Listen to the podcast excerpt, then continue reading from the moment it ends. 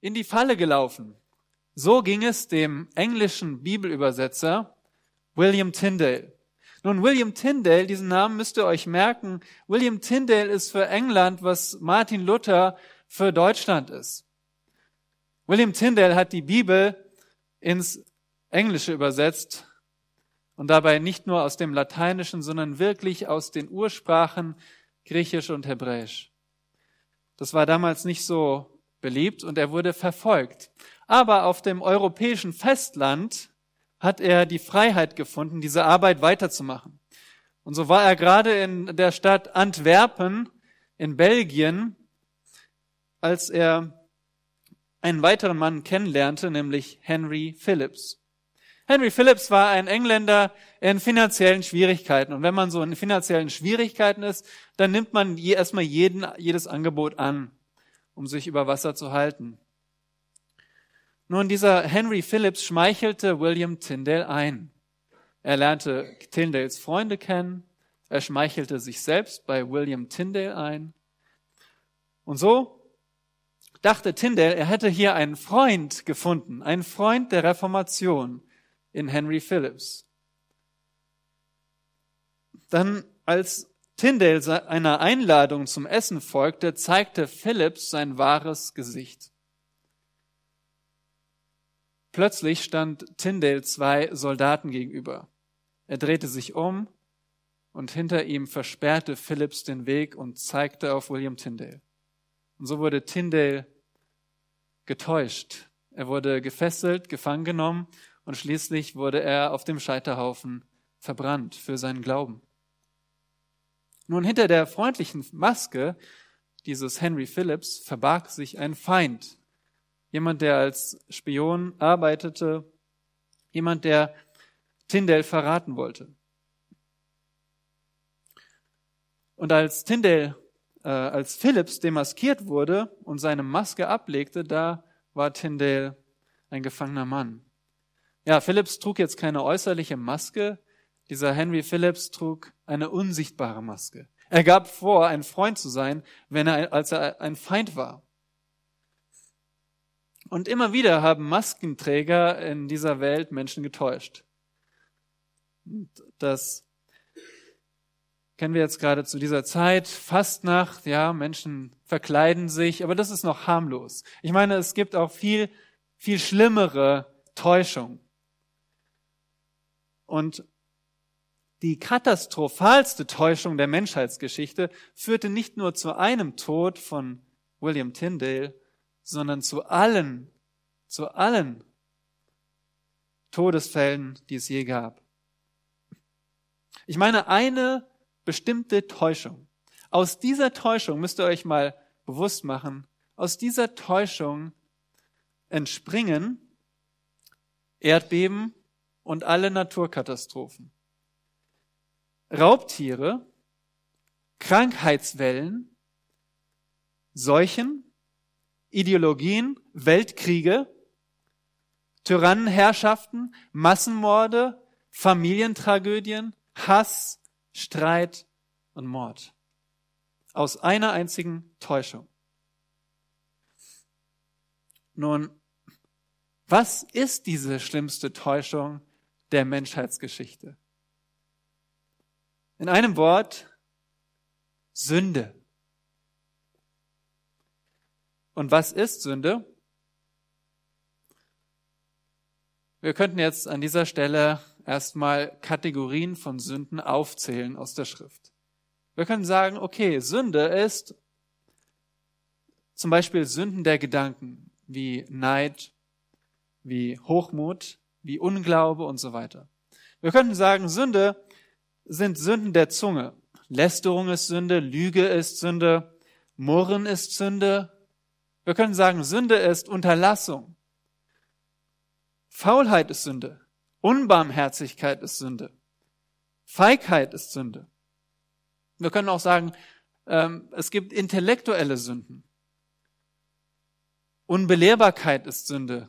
Bibelkritik ist Sünde. Irrlehre ist Sünde. Wir könnten sagen, es gibt sexuelle Sünden. Unzucht ist Sünde. Pornografie ist Sünde. Ehebruch ist Sünde und so weiter. Wir können auch sagen, außerdem gibt es noch Habsucht, Heuchelei, Ehebruch hatten wir schon, Zauberei, Unzufriedenheit, Undankbarkeit, Ungeduld, Selbstgerechtigkeit und Götzendienst. All das ist Sünde.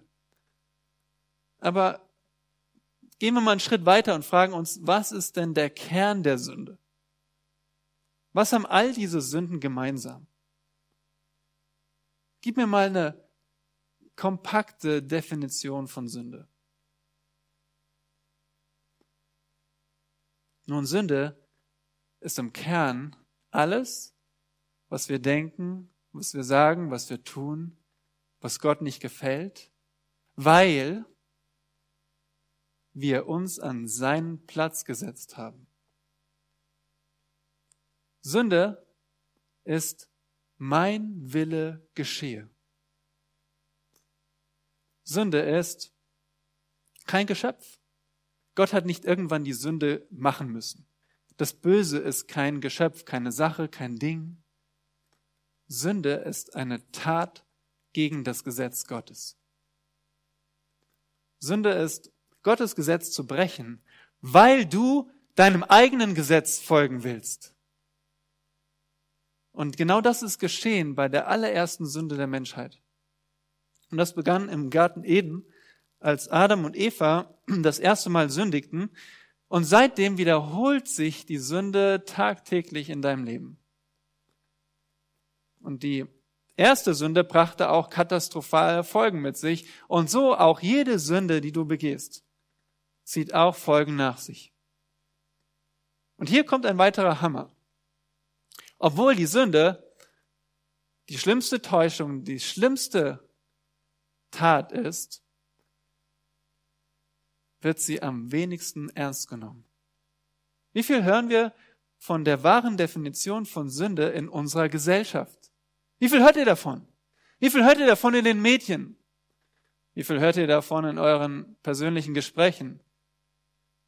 Wie viel hört ihr davon von Politikern oder Pfarrern? Und so erliegen wir sehr leichtfertig der Täuschung der Sünde.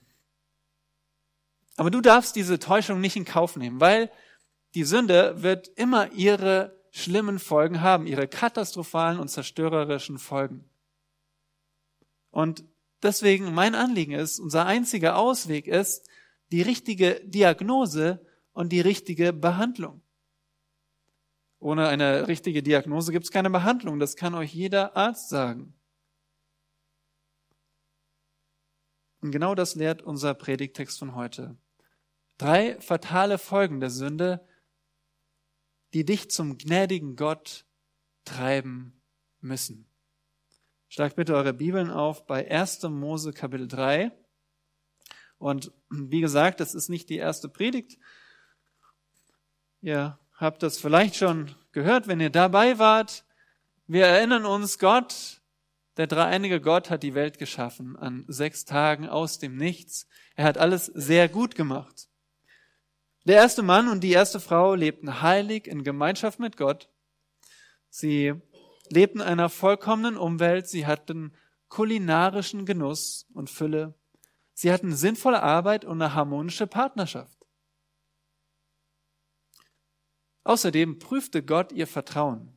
Wir haben gesehen, dass das nichts Schlechtes ist, dass Gott ihnen einen Baum verboten hat, um zu prüfen, ob sie ihm vertrauen. So wie es ein gutes Gefühl bringt, wenn man in Prüfungen treu ist. Nun, nach Abschluss der Schöpfung lernen wir aus der Schrift, ist ein Engel zum Satan geworden, zum Widersacher Gottes, indem er aus Stolz rebellierte gegen Gott und dieser Engel, dieser Satan, ähm, hat sich verkleidet und das Tier der Schlange gebraucht, um Eva zu versuchen. Er hat das getan, indem er zu ihr sprach und er verleitete sie dazu, Gottes Wort anzuzweifeln, zweitens auszutauschen gegen sein eigenes Wort. Er hat es dann abgelehnt Und Eva hat es abgelehnt in ihrem Herzen und sie hat es aufgegeben. Und Eva nahm von der Frucht und aß. Und Adam nahm von der verbotenen Frucht und aß. Und jetzt lesen wir weiter in 1. Mose 3, Vers 7. Gottes Wort sagt, da wurden ihnen beiden die Augen geöffnet und sie erkannten, dass sie nackt waren. Und sie banden sich Feigenblätter um und machten sich Schurze. Und sie hörten die Stimme Gottes des Herrn, der im Garten wandelte, als der Tag kühl war. Und der Mensch und seine Frau versteckten sich vor dem Angesicht Gottes, Jahwes, hinter den Bäumen des Gartens. Da rief Gott Jahwe den Menschen und sprach, Wo bist du? Und er antwortete, ich hörte deine Stimme im Garten und fürchtete mich, denn ich bin nackt. Darum habe ich mich verborgen. Da sprach er, wer hat dir gesagt, dass du nackt bist? Hast du etwa von dem Baum gegessen, von dem ich dir geboten habe, du solltest nicht davon essen? Da antwortete der Mensch, die Frau, die du mir zur Seite gegeben hast, die gab mir von dem Baum, und ich aß. Da sprach Gott Jahwe zu der Frau, warum hast du das getan? Die Frau antwortete, die Schlange hat mich verführt, da habe ich gegessen. Da sprach Gott Jahwe zur Schlange, weil du dies getan hast, so sollst du verflucht sein mehr als alles Vieh und mehr als alle Tiere des Feldes. Auf deinem Bauch sollst du kriechen und Staub sollst du fressen dein Leben lang und ich will Feindschaft setzen zwischen dir und der Frau, zwischen deinem Samen und ihrem Samen. Er wird dir den Kopf zertreten und du wirst ihn in die Ferse stechen. Und zur Frau sprach er, ich will die Mühen deiner Schwangerschaft sehr groß machen. Mit Schmerzen sollst du Kinder gebären. Und dein Verlangen wird auf deinen Mann gerichtet sein. Er aber soll über dich herrschen. Und zu Adam sprach er, weil du der Stimme deiner Frau gehorcht und von dem Baum gegessen hast, von dem ich dir gebot und sprach, du sollst nicht davon essen. So sei der Erdboden verflucht um deinetwillen. Mit Mühe sollst du dich davon nähren dein Leben lang. Dornen und Disteln soll er dir tragen, und du sollst das Gewächs des Feldes essen. Im Schweiße deines Angesichts sollst du dein Brot essen, bis du wieder zurückkehrst zum Erdboden. Denn von ihm bist du genommen. Denn du bist Staub und zum Staub wirst du wieder zurückkehren. Und der Mensch gab seiner Frau den Namen Eva, denn sie wurde die Mutter aller Lebendigen. Und Gott Jahwe machte Adam und seiner Frau Kleider aus Fell und bekleidete sie. Und Gott Jahwe sprach, siehe, der Mensch ist geworden wie unser einer, indem er erkennt, was gut und böse ist. Nun aber, dass er nur nicht seine Hand ausstrecke und auch von dem Baum des Lebens nehme und esse und ewig lebe. So schickte ihn Gott Jahwe aus dem Garten Eden, damit er den Erdboden bearbeite, von dem er genommen war. Und er vertrieb den Menschen und ließ östlich vom Garten Eden die Cherubim lagern und die Flamme des blitzenden Schwertes, um den Weg zum Baum des Lebens zu bewachen. Soweit das Wort. Nun, wir lesen diesen traurigen Bericht nicht nur als Zuschauer, als Bibelleser. Wir lesen diesen Bericht als mitbetroffene Sünder. Wir sind da drin. Adam und Eva waren unsere Vertreter. Ist dir das bewusst? Sie haben uns vertreten. Wie ein Präsident. Und wenn der Präsident Krieg erklärt, dann sind alle mit im Krieg. So auch wir. Und genauso hat die erste Sünde Konsequenzen wie auch jede Sünde in deinem Leben. Deswegen ist es wichtig für uns. Aber das Wunderbare ist, und das möchte ich euch zeigen, darauf freue ich mich. Inmitten von diesem traurigen Bericht gibt es in jedem dieser drei Folgen einen unübersehbaren, wunderbaren Hoffnungsschimmer. in jeder dieser drei Folgen. Darauf freue ich mich. Und ich bete, dass ihr dabei bleibt. Ich kann diesen Text nicht teilen. Es ist eine Einheit. Mögen wir das wirklich alle mitbekommen, verstehen. Nun, was ist die erste Folge der Sünde? Die erste Folge der Sünde ist klar. Es ist Schuld. Die erste Folge der Sünde ist Schuld. Schaut mal in Vers 7 bis 13. Nach dem heimtückischen Dialog der Schlange mit der Frau tritt jetzt Gott auf den Plan. Und wir haben schon gesehen, in diesem Kapitel steht 16 Mal das Wort sprechen. Es geht ums Reden. Zuerst redet die Schlange zur Frau und jetzt redet Gott zum Mann und zur Frau. Aber zuerst bekommen wir einen bitteren Eindruck ihrer ersten Momente als schuldige Menschen. Vers 7 setzt hier genau das fort, wo wir in Vers 6 aufgehört haben. Also es ist wie eine Abfolge, eine schnelle Abfolge von Handlungen. Eva aß, Eva gab ihrem Mann, Adam nahm und aß, da wurden ihnen die Augen geöffnet. Es folgt ohne Unterbrechung. Sie mussten nicht erst diese Frucht verdauen, es war nicht wie ein, ein Gift, das erst nach irgendwann Zeit ihr, ihr, ihre Wirkung hinterließ. Es war nicht eine giftige Frucht, es war eine Frucht, die Gott verboten hatte. Und automatisch erben sie diese Folgen. Gott muss nicht sagen, eure Augen werden auf. Hier steht, da wurden ihnen die Augen geöffnet. Ein Handelnder ist hier nicht betont. Es gibt keine Verzögerung. Und was passiert dann? Sofort erkennen sie, dass sie nackt sind. Ist das denn schlimm? Schaut mal in Kapitel 2, Vers 25, vor dem Sündenfall. Und sie waren beide nackt, der Mensch und seine Frau, und sie schämten sich nicht.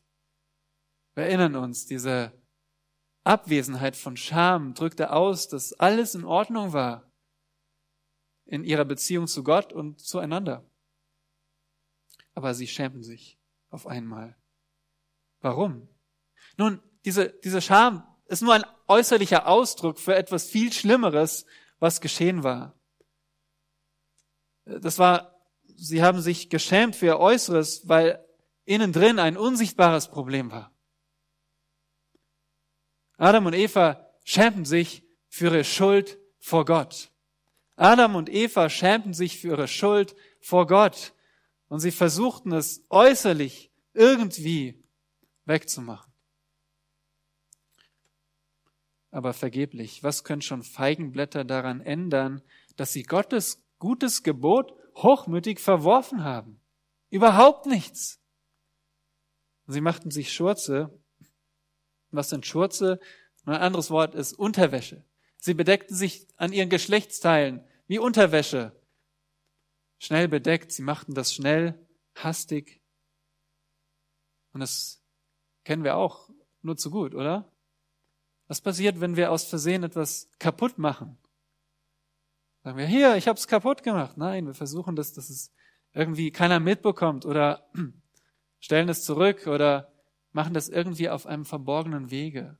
Oder Kinder, wenn sie Regeln brechen, dann verstecken sie es auch oder schämen sich dafür.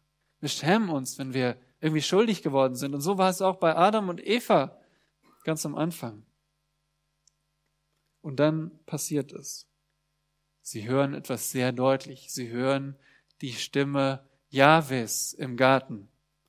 Nun, Gott ist Geist und dem Wesen nach ist er unsichtbar. Aber unsichtbar bedeutet nicht, dass er unpersönlich ist. Gott ist eine Person, drei Personen ein Gott. Und so war er auch persönlich auf der Erde im Garten Eden gegenwärtig, wie in einem irdischen Tempel. Also Tempel bedeutet, dass Gott wohnt bei den Menschen. Er hat dort gewohnt im Garten Eden. Er war sichtbar, vielleicht leuchtend herrlich wie bei Mose auf dem Berg, und er war hörbar, vielleicht so wie bei Elia auf dem Berg, der eine leise, sanft, ein sanftes Säuseln hörte. Und so näherte sich Gott also dem Ort, wo Adam und Eva sich hinter Bäumen versteckten. Wie furchtbar. Zuvor lebten sie in Nähe Gottes und jetzt versteckten sie sich vor ihm. Gottes Warnung hatte sich bewahrheitet. Sie waren gestorben. Ja? Aber sie lebten doch noch. Nun, sie waren geistlich gestorben.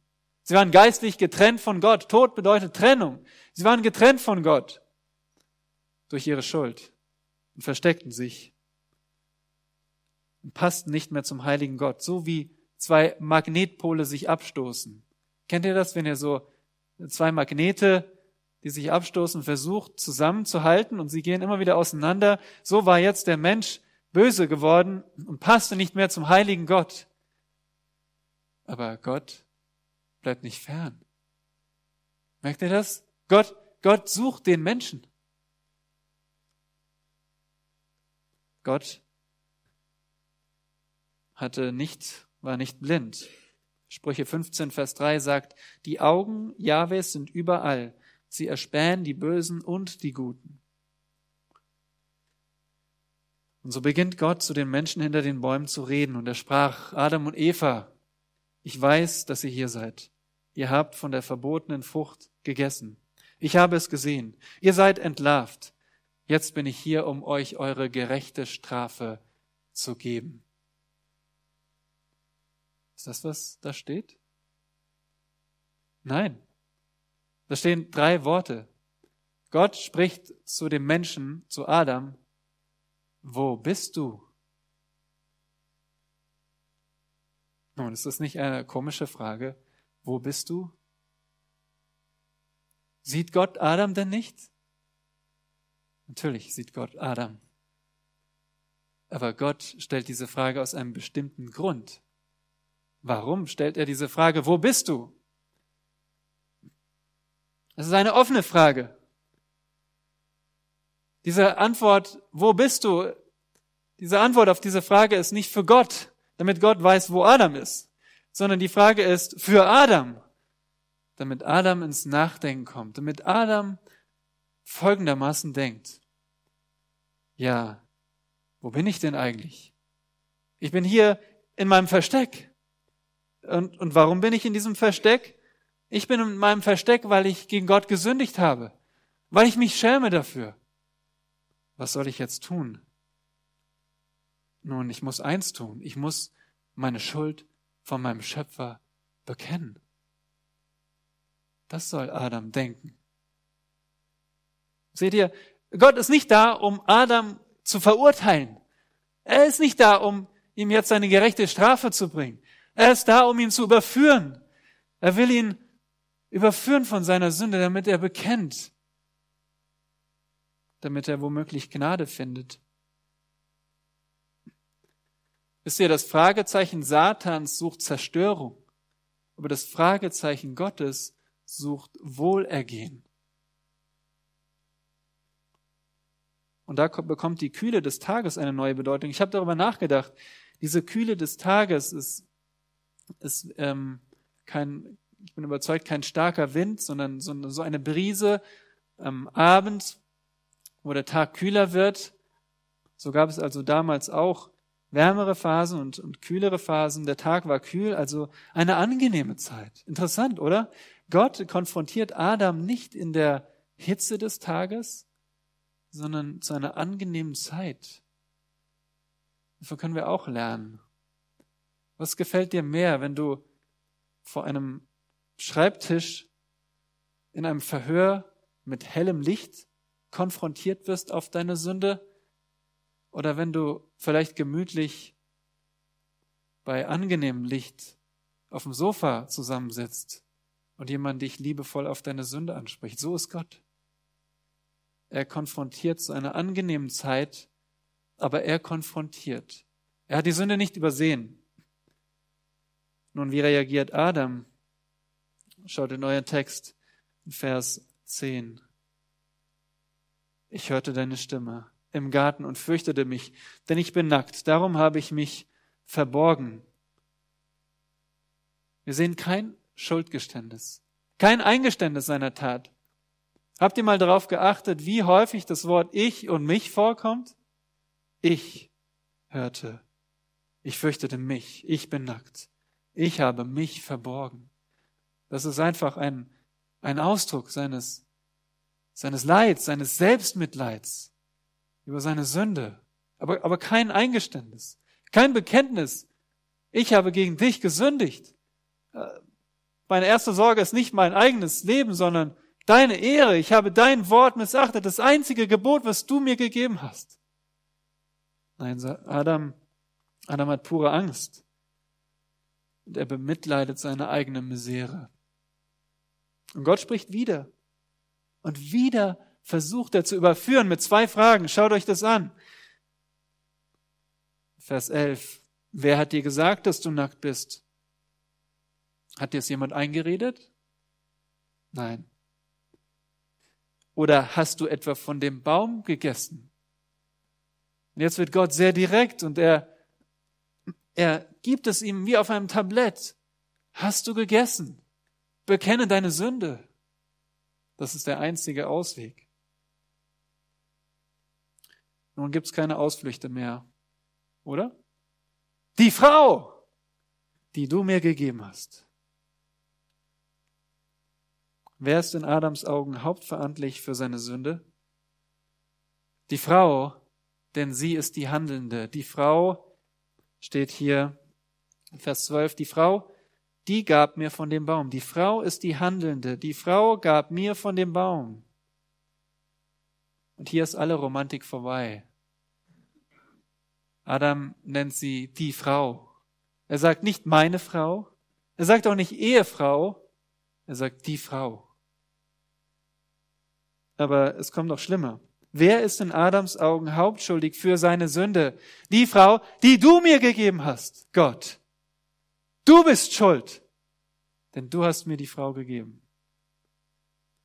Das ist die Sünde. Sie führt nicht nur zur krassen Unverantwortlichkeit, Sünde führt auch zu Torheit. Zur Torheit. Gott die Schuld in die Schuhe zu schieben. Aber ich denke, ihr habt nicht übersehen, dass Adam seine Sünde zugibt. Er sagt, seht ihr die letzten Worte, ich aß. Seht ihr das in euren Bibeln? Ich aß in Vers 12. Ich aß. Und damit ist das Bekenntnis zwar widerwillig, aber es ist vorhanden. Und so wendet sich Gott jetzt der Frau zu. Nicht, weil er auf Adams Ableckungsmanöver reinfällt. Nein, weil Adam bekannt hat und auch die Frau schuldig ist.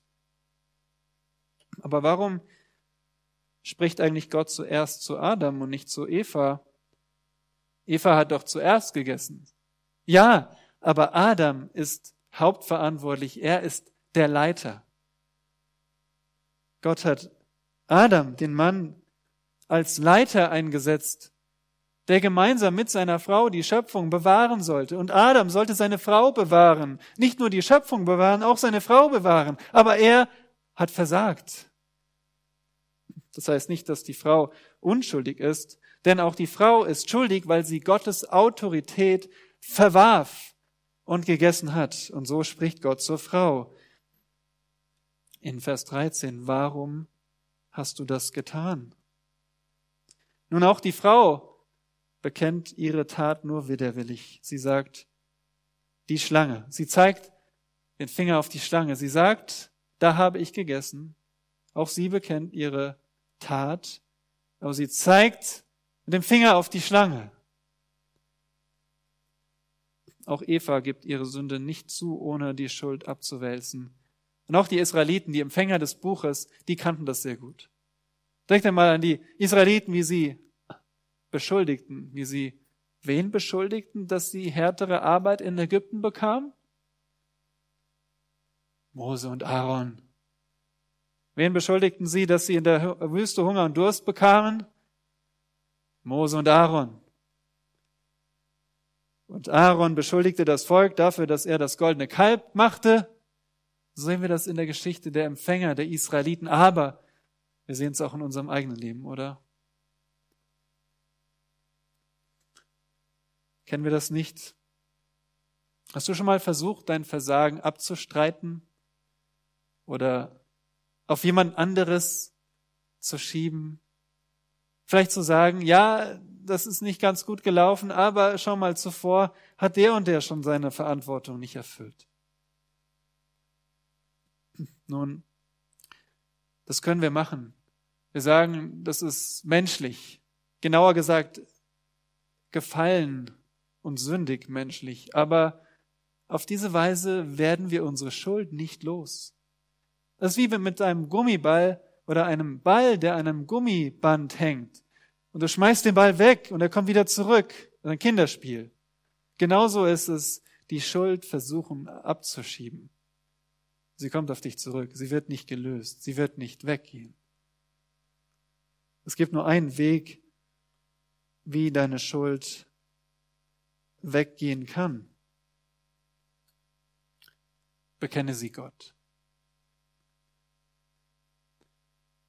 Wenn Gott dich durch sein Wort von einer Schuld überführt, dann weise diese Schuld nicht ab, sondern bekenne sie dem Herrn, der alles weiß und sieht, damit du geheilt wirst. Du allein weißt, wovon dich der Herr zuletzt überführt hat. Durch sein Wort oder durch deine Geschwister. Dann bekenne ihm deine Schuld. Und wenn du gerettet werden willst, dann musst du auch zu ihm gehen und ihn um Vergebung bitten, deine Schuld bekennen. Das ist der einzige Weg aus der Schuld heraus. Sprüche 28, Vers 13 sagt, wer seine Schuld verheimlicht, dem wird es nicht gelingen. Wer sie aber bekennt und lässt, der wird Barmherzigkeit erlangen. Merkt ihr, wie, wie diese Folgen der, der Sünde einen Hoffnungsschimmer beinhalten? Die erste Folge ist Schuld. Und die Hoffnung ist, dass Gott überführen will, damit du bekennst. Was ist die zweite Folge der Sünde? Die zweite fatale, also tödliche Folge der Sünde, Fluch. Die zweite Folge der Sünde ist Fluch in Versen 14 bis 19.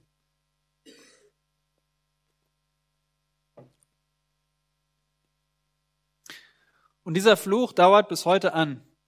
Dieser Fluch erklärt dir die Welt.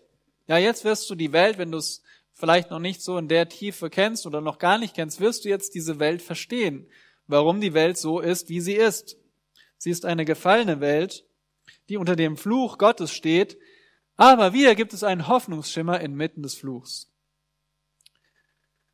Die Dialoge sind jetzt vorbei, also die Zwiegespräche Jetzt spricht Gott in einem Monolog, er spricht zu der Schlange, er spricht zu der Frau und zu dem Mann.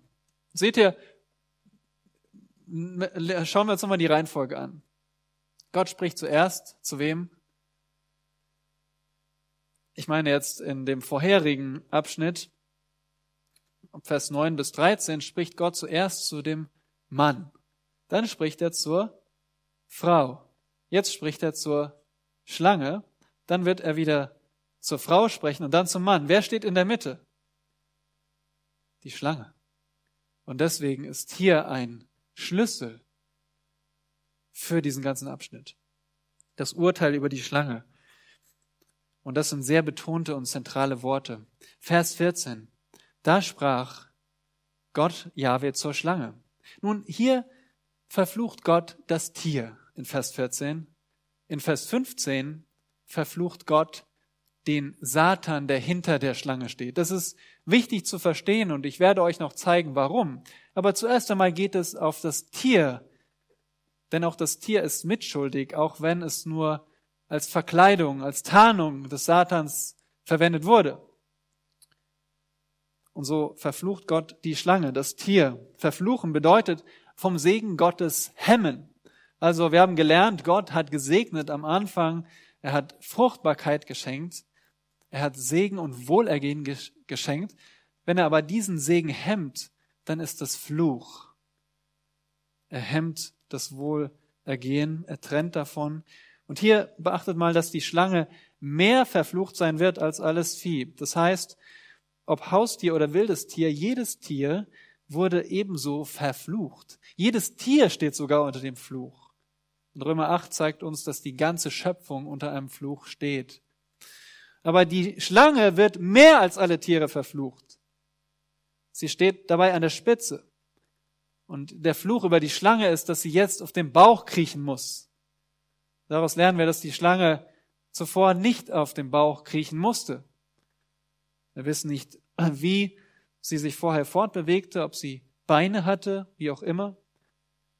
Aber hier steht, dass sie jetzt auf dem Bauch kriechen muss und Staub fressen soll, ihr Leben lang. Nun, werden manche vielleicht sagen, schaust du mal hier, die Bibel hat wieder nicht recht, die Biologie lehrt uns doch, äh, Schlangen fressen noch kein Staub, oder?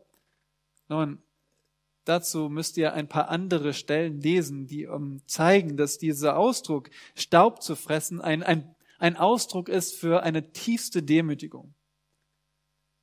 Staubfressen, ich kann euch gerne diese Liste geben von Stellen, wo davon die Rede ist. Staubfressen ist die tiefste Demütigung, auch für Menschen wird es verwendet. Also die Schlange wird einfach sehr gedemütigt. Aber jetzt spricht Gott den Fluch gegen den eigentlichen Widersacher in Vers 15, den Teufel, den Satan. Vers 15. Warum spricht Gott über den Satan. Nun hier steht, ich will Feindschaft setzen. Dieses Wort Feindschaft ist ein hebräisches Wort, das nur für moralisch verantwortliche Personen verwendet wird. Nicht für, für eine Schlange als Tier ist das nicht passend. Es ist ein Wort für Personen, Feindschaft von Personen. Deswegen ist dieser angesprochene in Vers 15 eine Person. Und wer ist der einzige Feind, den es damals gab? außer natürlich seinen Mitrebellen. Es ist der Satan. Und wer sind die verfeindeten Parteien? Hier schaut mal in euren Text. Ich möchte, dass ihr den versteht. Ich will Feindschaft setzen zwischen dir, und das ist nicht der Mann, das ist nicht Robert. Nein, es ist der Satan, zwischen dir, Satan, und der Frau. Die Frau ist Eva. Eine Feindschaft zwischen Satan und der Frau Eva. Okay? Und dieselbe Feindschaft besteht auch zwischen Satans Nachkommen. Das Wort Samen ist das Wort, das im Hebräischen nur, es ist nicht Mehrzahl oder Einzahl, das kann man nicht erkennen, es ist dasselbe Wort, wie auch im Deutschen eigentlich. Samen kann ja Einzahl oder Mehrzahl sein.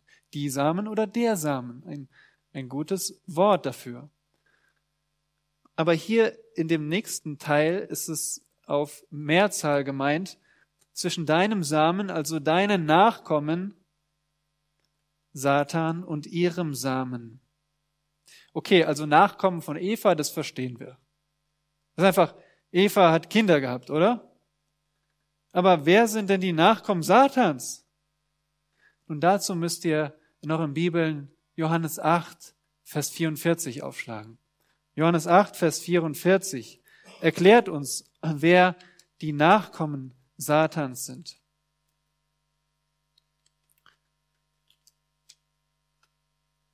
Da Jesus lehrt die Juden in Johannes 8, Vers 44, Johannes 8, Vers 44 und sagt, ihr habt den Teufel zum Vater und was euer Vater begehrt, wollt ihr tun.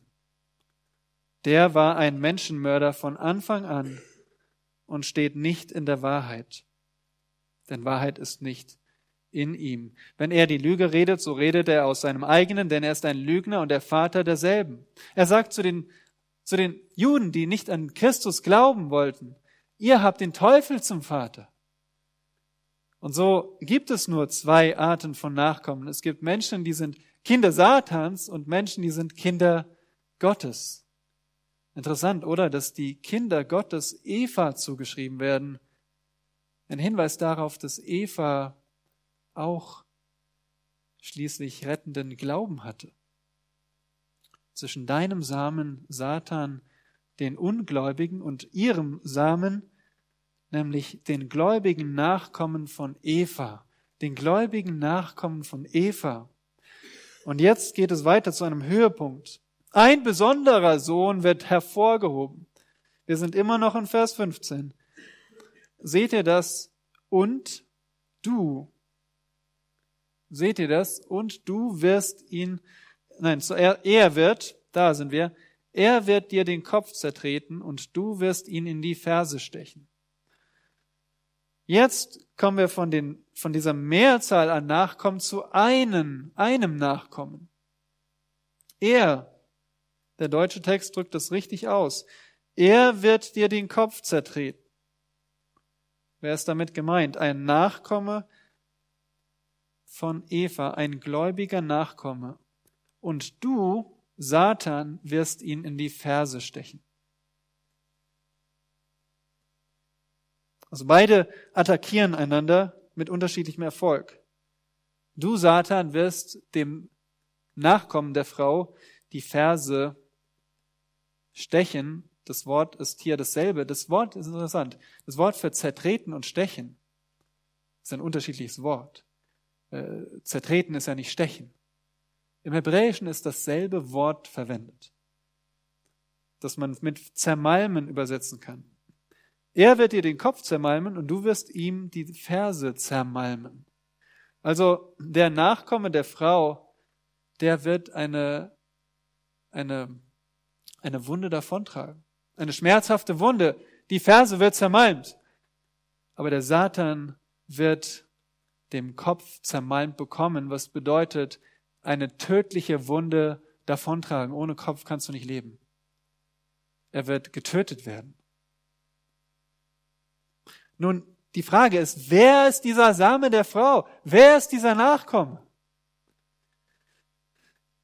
Nun erstmal ist es eigenartig, dass er der Same der Frau genannt wird. Normalerweise ist doch der Mann dafür zuständig, dass ein Nachkomme, dass eine Frau ein Nachkommen hat. Oder gibt es das doch? Ein Same der Frau. Nun, die Antwort finden wir in Galater 3, Vers 16. Ich lese euch gern diesen Vers vor. Galater 3, Vers 16, da wird auch von einem Samen gesprochen. Paulus schreibt das. Galater 3, Vers 16.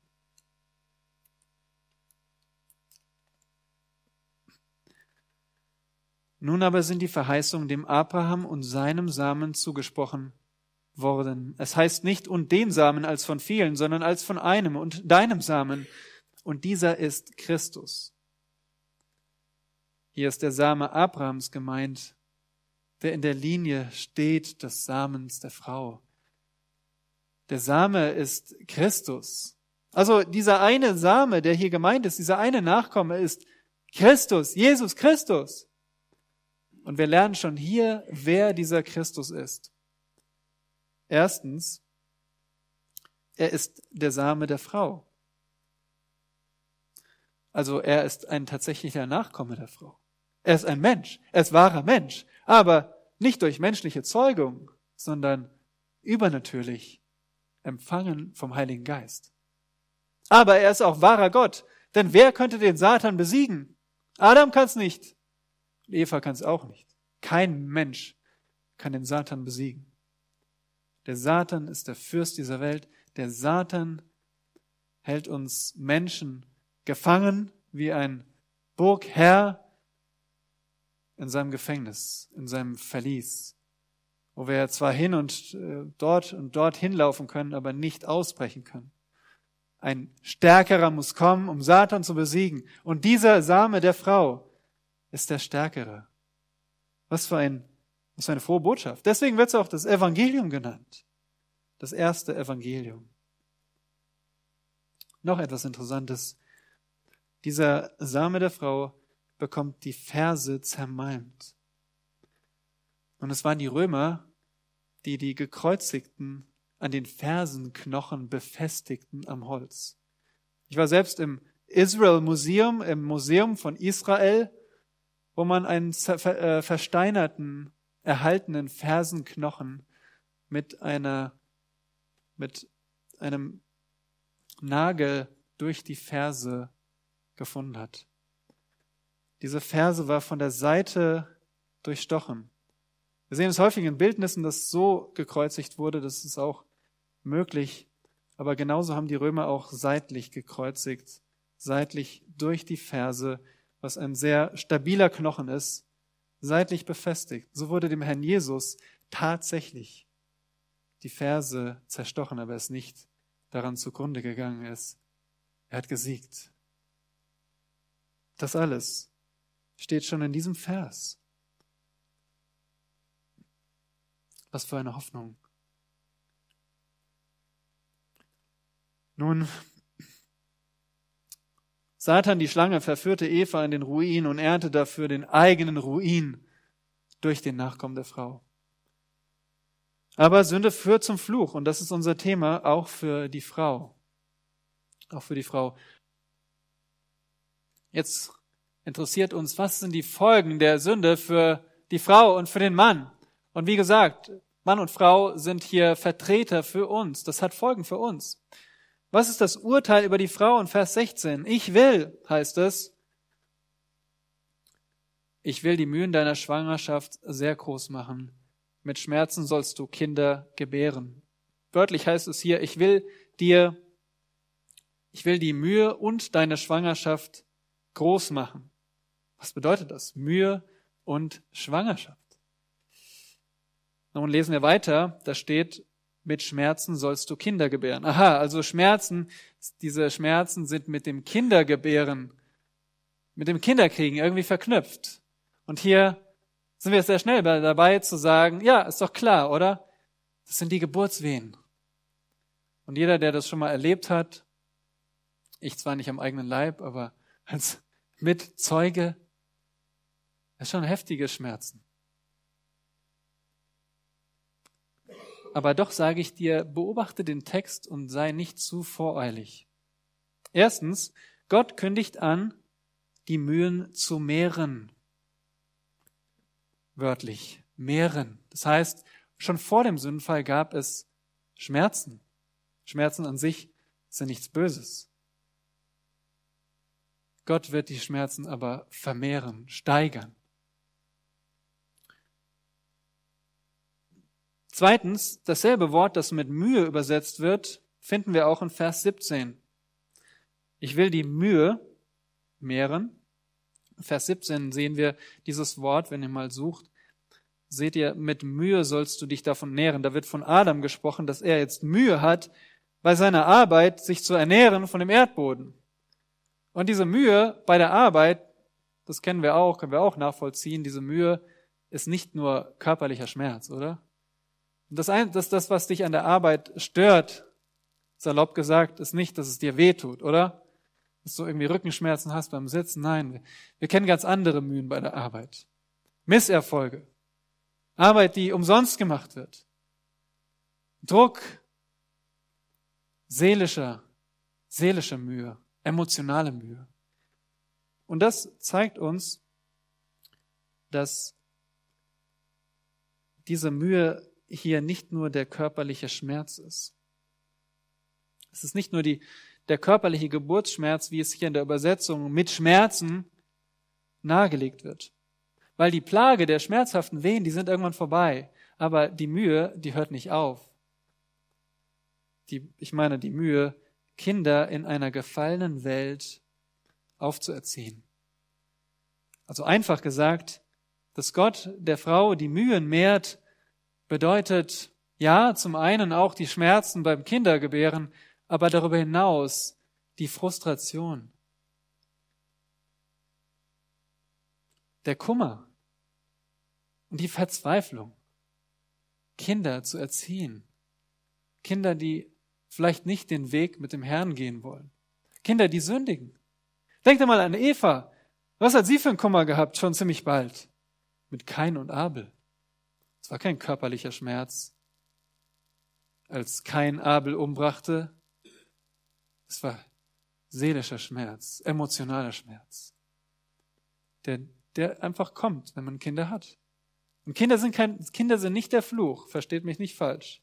Aber Kinder in einer gefallenen Welt zu haben, bringt Kummer mit sich.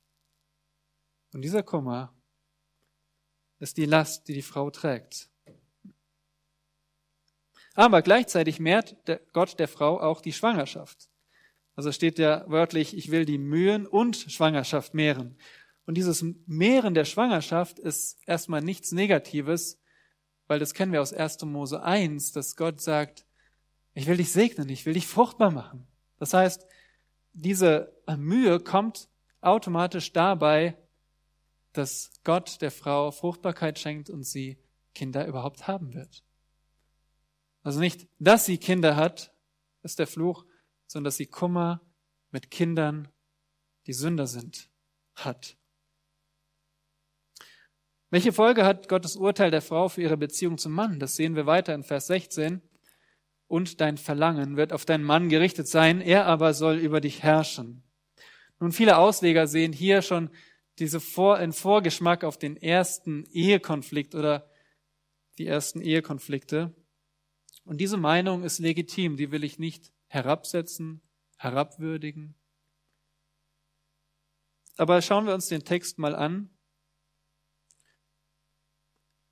Die solche Ausleger sehen das Verlangen als etwas Negatives. Die Frau verlangt danach, ihren Mann zu kontrollieren. Und der Mann reagiert wiederum, indem er die Frau unterdrückt. Das Herrschen wird negativ gesehen. Aber ist das wirklich die Aussage des Texts? Nun, denkt daran, hier geht es zwar um das Urteil der Frau, aber ihr Urteil, nämlich die Mühe mit den Kindern, Kinder gebären und Kinder aufziehen, hat sie schon empfangen. Jetzt geht es einfach um die Konsequenzen dieses Urteils für ihre Beziehungen, für ihre Beziehung zum Mann. Eine widerspenstige Frau wäre ja vielmehr eine Strafe für den Mann als für die Frau. Wenn, wenn Gottes Fluch ist, dass die Frau widerspenstig ist gegen ihren Mann, wäre das ja ein, eine Strafe für den Frau, für den Mann und nicht für die Frau. Außerdem kommt das spezielle Wort für Verlangen nur an zwei anderen Stellen vor. Einmal in Kapitel 4, Vers 7. Dort heißt es, wenn, aber, wenn du aber nicht Gutes tust, so lauert die Sünde vor der Tür und ihr Verlangen ist auf dich gerichtet. Du aber sollst über sie herrschen. Nun, in meiner nächsten Predigt zeige ich euch, dass dieses Verlangen in Vers 7 nicht negativ ist. Aber dafür müssen wir noch warten. Ein, an der andere, die andere Stelle steht in Hohelied 7, Vers 10. Und Hohelied 7, Vers 10 ist die Beschreibung der Zuneigung von Ehemann und Ehefrau und aus meiner Sicht der bessere Kontext, um dieses Wort Verlangen zu verstehen. Und so spricht hier aus meiner Sicht nichts für ein rebellisches Verlangen der Frau. Und auch das Herrschen des Mannes ist nicht zweifellos negativ. Denn das Wort herrschen bedeutet einfach Autorität ausüben. Das kann tyrannisch sein, das kann aber auch gutmütig sein. Ist nicht eindeutig negativ von dem Wort her.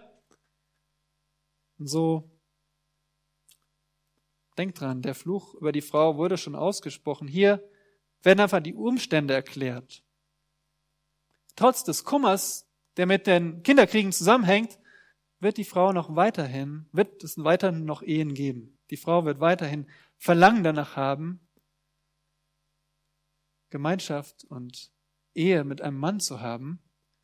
Aber das alles natürlich in einer gefallenen Welt. Der Mann wird die Autorität behalten, ob es der Ehefrau gefällt oder nicht. Natürlich gibt es auch Konflikte. Ich kenne das aus meiner eigenen Ehe und ihr wisst darum, dass Ehen nicht immer harmonisch verlaufen. Aber das ist nicht die Aussage des Textes, so bin ich überzeugt, sondern dass es weiterhin Ehen geben wird. Nun kommen wir zum Mann, Vers 17 was ist das Urteil über den Mann? Nun, weil du der Stimme deiner Frau gehorcht und von dem Baum gegessen hast, sagt Gott. Also weil du übertreten hast, kommt jetzt das Urteil. Und Gottes Fluch trifft Adam sehr empfindlich in seinem Lebensnerv, nämlich in seiner Aufgabe, in seiner Rolle zu versorgen und zu arbeiten. Und dank Adam verflucht Gott den Erdboden. Und jetzt wissen wir, was Fluch bedeutet. Es bedeutet, den Segen zu hemmen. Also wird der Erdboden nicht mehr so einfach seine Frucht bringen. Welcher Erdboden ist verflucht? Jeder Ackerboden? Ist jeder Ackerboden verflucht auf dieser Erde? Ich sage euch nein, ich glaube es nicht. Denn dass Gott den Ackerboden verflucht, finden wir mehrmals in der Schrift. Das heißt, es wird wiederholt. Es ist nicht einfach einmal kategorisch jeder Ackerboden verflucht, sondern er wird wiederholt verflucht. Darum, Gott verfluchte den speziellen Ackerboden, den Adam bebauen würde. Und nun musste Adam sich mit Mühe seinen Lebensunterhalt zusammenkratzen. Hier treffen wir wieder das Wort Mühe. Er hatte Mühe. Das ist nicht nur körperlichen Schmerz, körperliche Anstrengung. Das ist nichts Schlechtes an sich, sondern diese Mühe damit, diese Frustration, dass Misserfolge kommen, dass er viel Arbeit reinsteckt und wenig rauskommt. Das ist der Fluch. Arbeit ist nicht der Fluch. Misserfolg Widrigkeiten und Zerstörung sind die Folge der Sünde für die Arbeit des Menschen. Das kennen wir. Heutzutage Computer, die abstürzen. Arbeit verloren. Oder du musst von neuem anfangen. Oder Kunden, die ihr Wort nicht einhalten. Ja, du hast gearbeitet und die sind nachher vielleicht insolvent. Du hast umsonst gearbeitet, man bekommt kein Geld. Schrauben brechen ab. Haben wir gestern beim Umzug erlebt, gell? Nochmal neu machen, hat aber nicht so lange gedauert. Maschinen versagen, Chefs planen fehl, Dornen und Disteln sprießen, wie bei Adam. Die gab es zwar vorher schon, aber jetzt, jetzt sind sie am Boden, den Adam bearbeiten muss. Und hier wird die Vertreibung aus dem Obstgarten schon angedeutet. Ja, von ihrer ersten Minute genossen sie ein all-inclusive Angebot von Früchten, aber jetzt muss Adam arbeiten, damit er überhaupt was zu essen hat. Interessant, weil er gegessen hat von der verbotenen Frucht, muss er jetzt kämpfen, um essen zu können. Vers 19 fasst es nochmal zusammen. Im Schweiße deines Angesichts diese Mühe, die man damit hat, in einer gefallenen Welt zu arbeiten, die erlebt Adam. Nichts fällt ihm mehr zu. Und wie lange dauert Adams Mühe? Schaut in Vers 19, bis du wieder zurückkehrst zum Erdboden. Erinnerst du dich an die Erschaffung des Menschen? Gott hat den Adam woraus gemacht? Aus dem Erdboden. Und jetzt wird er wieder dahin zurückkehren. Also in anderen Worten, er wird körperlich sterben. Und kennt ihr das bei einer Beerdigung? Da gibt es so diesen Brauch, dass man ins Grab Erde oder Sand hineinstreut. Und das kommt von dieser, von dieser Stelle, dass man wieder zu Staub wird. Dass wir alle mal sterben müssen. Und wir könnten leicht denken, das ist das Übel der Sünde, oder? Dass wir sterben müssen. Aber ich sage euch, nein. Der körperliche Tod ist nicht das Übel der Sünde. Die Tragödie dieses Abschnitts ist nicht, dass Adam wieder zu Staub wird. Die Tragödie von 1. Mose 3 ist, dass Adam und Eva geistlich gestorben sind. Die Tragödie von 1. Mose 3 ist, dass Adam und Eva geistlich gestorben sind. Und die körperliche, der körperliche Tod ist nur die Folge. Sie sind geistlich getrennt von Gott aufgrund ihrer Sünde. Adam und Eva sterben in dem Moment, als sie ihrem Schöpfer ungehorsam waren und sie sterben den geistlichen Tod. Und wenn wir das körperliche Sterben als das größte Übel in dieser Welt sehen, dann sind wir noch so blind wie die Menschen, die Gott nicht kennen. Für die Menschen ist das Schlimmste der Tod, oder? Sie verlieren alles, was sie haben, alles, was sie sehen, wofür sie arbeiten für sie leben. Aber der körperliche Tod ist nicht das schlimmste Übel. Die Menschen sind doch blind dafür, dass sie geistlich getrennt sind von Gott. Und du und ich, ihr Lieben, wir müssen das vor Augen haben. Das größte Übel ist der geistliche Tod. Und der war hier schon präsent. Und die Folge nur davon ist, dass sie körperlich sterben. Aber interessant, dieser körperliche Tod ist nicht das Hauptproblem. Unsere Knechtschaft unter der Sünde ist das Hauptproblem. Und Gott tötete das Menschenpaar nicht sofort, weil er noch einen Plan hatte, weil der Same der Frau kommen musste.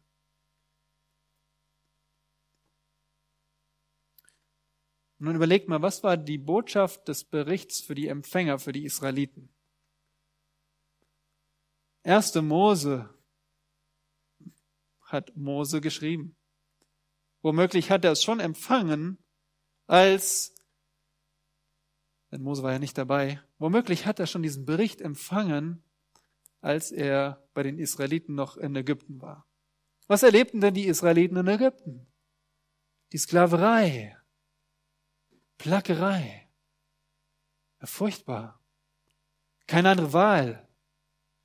Mussten diese Ziegelsteine machen. Hart arbeiten. Woher kommt das alles her? Wo kommt dieses Übel her? Warum lebe ich in dieser Plackerei? 1. Mose 3 gibt dir die Antwort, gibt ihnen die Antwort. Daher kommt es. Und 1. Mose 3 und dieser Abschnitt, den wir eben angeschaut haben, gibt ihnen auch die Hoffnung, dass Gott es beenden wird, dass Gott den Fluch umkehren wird. Durch den Samen der Frau und genauso auch dir. Begreife, dass du in einer gefallenen Welt lebst. Denk nicht, dass, dass es irgendwie das Paradies hier auf der Erde gibt. Du lebst nicht in Gottes ursprünglicher Schöpfung. Du lebst in einer zerbrochenen Welt die nur Gott aus der Misere holen kann. Und in den persönlichen Beschwerden, die du kennst, ja, ob es Einsamkeit ist, Krankheit ist oder Ablehnung ist oder Schwierigkeiten auf der Arbeit ist, in diesen Schwierigkeiten will Gott, dass du daran denkst, dass Gott darüber steht, dass das kein Unfall ist, dass Gott alles erklärt in seinem Wort, das erklärt, was wir wissen müssen. Und dass Gott den Fluch umkehren kann und wird. Hoffst du auf das Evangelium in der gefallenen Welt? Ist die Frage, die an dich gerichtet ist in dieser zweiten Folge. Und nach der zweiten folgt die dritte. Was ist die dritte fatale Folge der Sünde? Die dritte fatale Folge der Sünde ist Trennung. Trennung. Die Trennung von Gott. Die Trennung wird jetzt sichtbar und spürbar, aber gleichzeitig gibt es auch hier in dieser dritten Folge oder dritte Folge einen Hoffnungsschimmer, den ich euch zeigen will. Zunächst lesen wir in Vers 20 von Adams Reaktion. Er gab seiner Frau den Namen Eva. Eva bedeutet, weiß es jemand? Leben, Lebensquell. Schöner Name, oder? Könnt ihr euch merken? Für ein Mädchen. Eva. Wunderbarer Name. Und inmitten von diesem Fluch und dem Tod sehen wir jetzt, er glaubt, Adam glaubt, bin ich überzeugt. Er glaubt, dass durch Eva Leben kommt. Der Same der Frau kommt. Er glaubte Gottes Worten. Ist nicht schön zu sehen? Adam drückt seinen Glauben aus. Vers 21 sehen wir, wie Gott Adam und Eva Kleider machte. Aber hatten nicht Adam und Eva schon selbst gebastelte Kleider, diese Unterwäsche aus Feigenblättern? Ja. War das nicht nach Gottes Modegeschmack? Weit gefehlt. Es ist keine Frage der Mode. Nein, diese selbstgemachte Kleidung konnte vor Gott nicht bestehen. Und Gott gibt ihnen andere Kleider aus welchem Material? Aus Fell. Nun, Gott kann Fell aus dem Nichts schaffen. Gott hat die Tiere aus dem Nichts geschaffen. Aber ich glaube, an diesem Punkt hat Gott lebende Tiere genommen. Und lebende Tiere, um das Fell zu bekommen, mussten sterben. Sie mussten sterben damit Adam und Eva Kleider bekommen, die vor Gott bestehen können, vor Gott zählen. Und hier sehen wir schon eine erste Vorschau auf Erlösung. Gott lässt einen, Schuldig, einen Unschuldigen sterben, ein Tier, das Blut fließt, damit Adam und Eva, die Schuldigen, weiterleben können. Erlösung. Interessant, dass Gott ihnen die Kleider gibt, nachdem Adam seinen Glauben ausdrückt. Zumindest hier im Text. Und Gott hatte zu Adam gesprochen, zur Frau und zur Schlange. Jetzt spricht Gott zu sich selbst. Schaut mal auf Vers 22. Er spricht zu sich selbst. Gott ist ein Gott in drei Personen. Wenn er Selbstgespräche führt, dann spricht er untereinander in, innerhalb der Dreieinheit. Siehe, der Mensch ist geworden wie unser einer, indem er erkennt, was gut und böse ist. Ja, Satan hatte teilweise recht. Adam und Eva würden gut und böse erkennen. Aber nicht jetzt in einem Sinn von, sie wissen jetzt darum. Nein, sie erkennen aus eigener, schmerzhafter Erfahrung, Sie sind jetzt selbst böse geworden. Und das, was Satan als, als eine Weiterentwicklung verkaufte, dass sie selbst über Gut und Böse urteilen würden, selbst die Regeln machen würden, wie wir es alle gerne machen wollen als gefallene Menschen, das hat sich nicht bewahrheitet. Jetzt waren sie selbst böse geworden, sündig geworden, schuldig geworden. Und Gott trifft eine Maßnahme. Schaut auf diese Maßnahme. Nun aber, Vers 22, dass er nur nicht seine Hand ausstrecke und auch von dem Baum des Lebens nehme und esse und ewig lebe. Voreilig könntest du jetzt urteilen und sagen, ha, siehst du, Gott enthält wirklich dem Menschen was Gutes vor. Wie der Satan sagt, Gott will einfach nur es für sich sich behalten. Nein, auf keinen Fall. Schauen wir es uns in Ruhe an. Genau das Gegenteil ist der Fall. Stellt euch vor, ihr seid mit Schuld beladen, mit, von Scham verfolgt, von Schmerz äh, geplagt, von Mühe gequält, von Gott getrennt und sollt unaufhörlich so leben? Was für eine furchtbare Vorstellung. Ohne Ausweg, immer von Gott getrennt, ewig leben? Genau das entschließt Gott zu verhindern. Jahwe reagiert hier nicht wie wir Menschen, hektisch, spontan oder impulsiv, dass er sagt, oh, jetzt hat der Mensch gesündigt, jetzt muss er irgendwas machen, ah, schnell äh, verbauen, hier Weg zusperren. Nein, es war geplant, bewusst. Nun aber, dass er nicht von dem Baum nehme. Der Text macht sehr deutlich, dass Gott, dass Gott sie fortschickte. Adam und Eva gingen nicht freiwillig, aber dabei hat Gott das Wohl des Menschen im Blick. Interessant, sehr interessant. Überaus interessant. Jetzt wird die geistliche Trennung sichtbar. Sie müssen den idyllischen Garten verlassen, den verfluchten Ackerboden bewohnen und er treibt sie in Richtung Osten weg und er lässt den Weg zum Baum des Lebens bewachen durch Cherubim und die, das Schwert. Hier steht im Text die Flamme des Blitzen des Schwertes in Vers 24. Wörtlich steht hier Flamme. Bildlich ist wahrscheinlich die Klinge des Schwerts gemeint, das hin und her schwingt und den Eintritt unmöglich macht. Und Adam und Eva nicht mehr zum Baum des Lebens kommen, um dort, wenn sie von dem Baum essen, wiederholt davon essen, ewig leben. So bringt die Sünde eine unüberwindliche Trennung von Gott mit sich. Das sehen wir hier. Aber es ist Gottes Gnade, dass er diesen Zugang zum Baum verwehrt. Und da wollen wir noch mal uns kurz aufhalten. Überlegt mal, was das bedeutet. Er verwehrt den Zugang zum Baum des Lebens. Er verwehrt ihnen, ewig zu leben in diesem Zustand, ewig körperlich zu leben. Achtet hier mal auf den Gegensatz zum irrtümlichen Denken der Welt. Was machen die Menschen, wenn es ums Sterben geht? Sie suchen immer wieder nach Möglichkeiten, sich zu verjüngen, möglichst lange zu leben. Sie suchen die Formel nach Unsterblichkeit. Man liest immer irgendwelche, immer in regelmäßigen Abständen, irgendwelche Zeitungsartikel. Hier haben sie was gefunden und da ist eine Möglichkeit, irgendwie an Zellen was gefunden, wie man, wie man sich irgendwie weiter existieren kann. Der Mensch will unsterblich sein und Gott sagt, nein, die Gnade ist, dass ich dir den Zugang verwehre. Die Gnade ist, dass du körperlich stirbst. Das Beste für uns in dieser gefallenen Welt ist, dass wir sterben.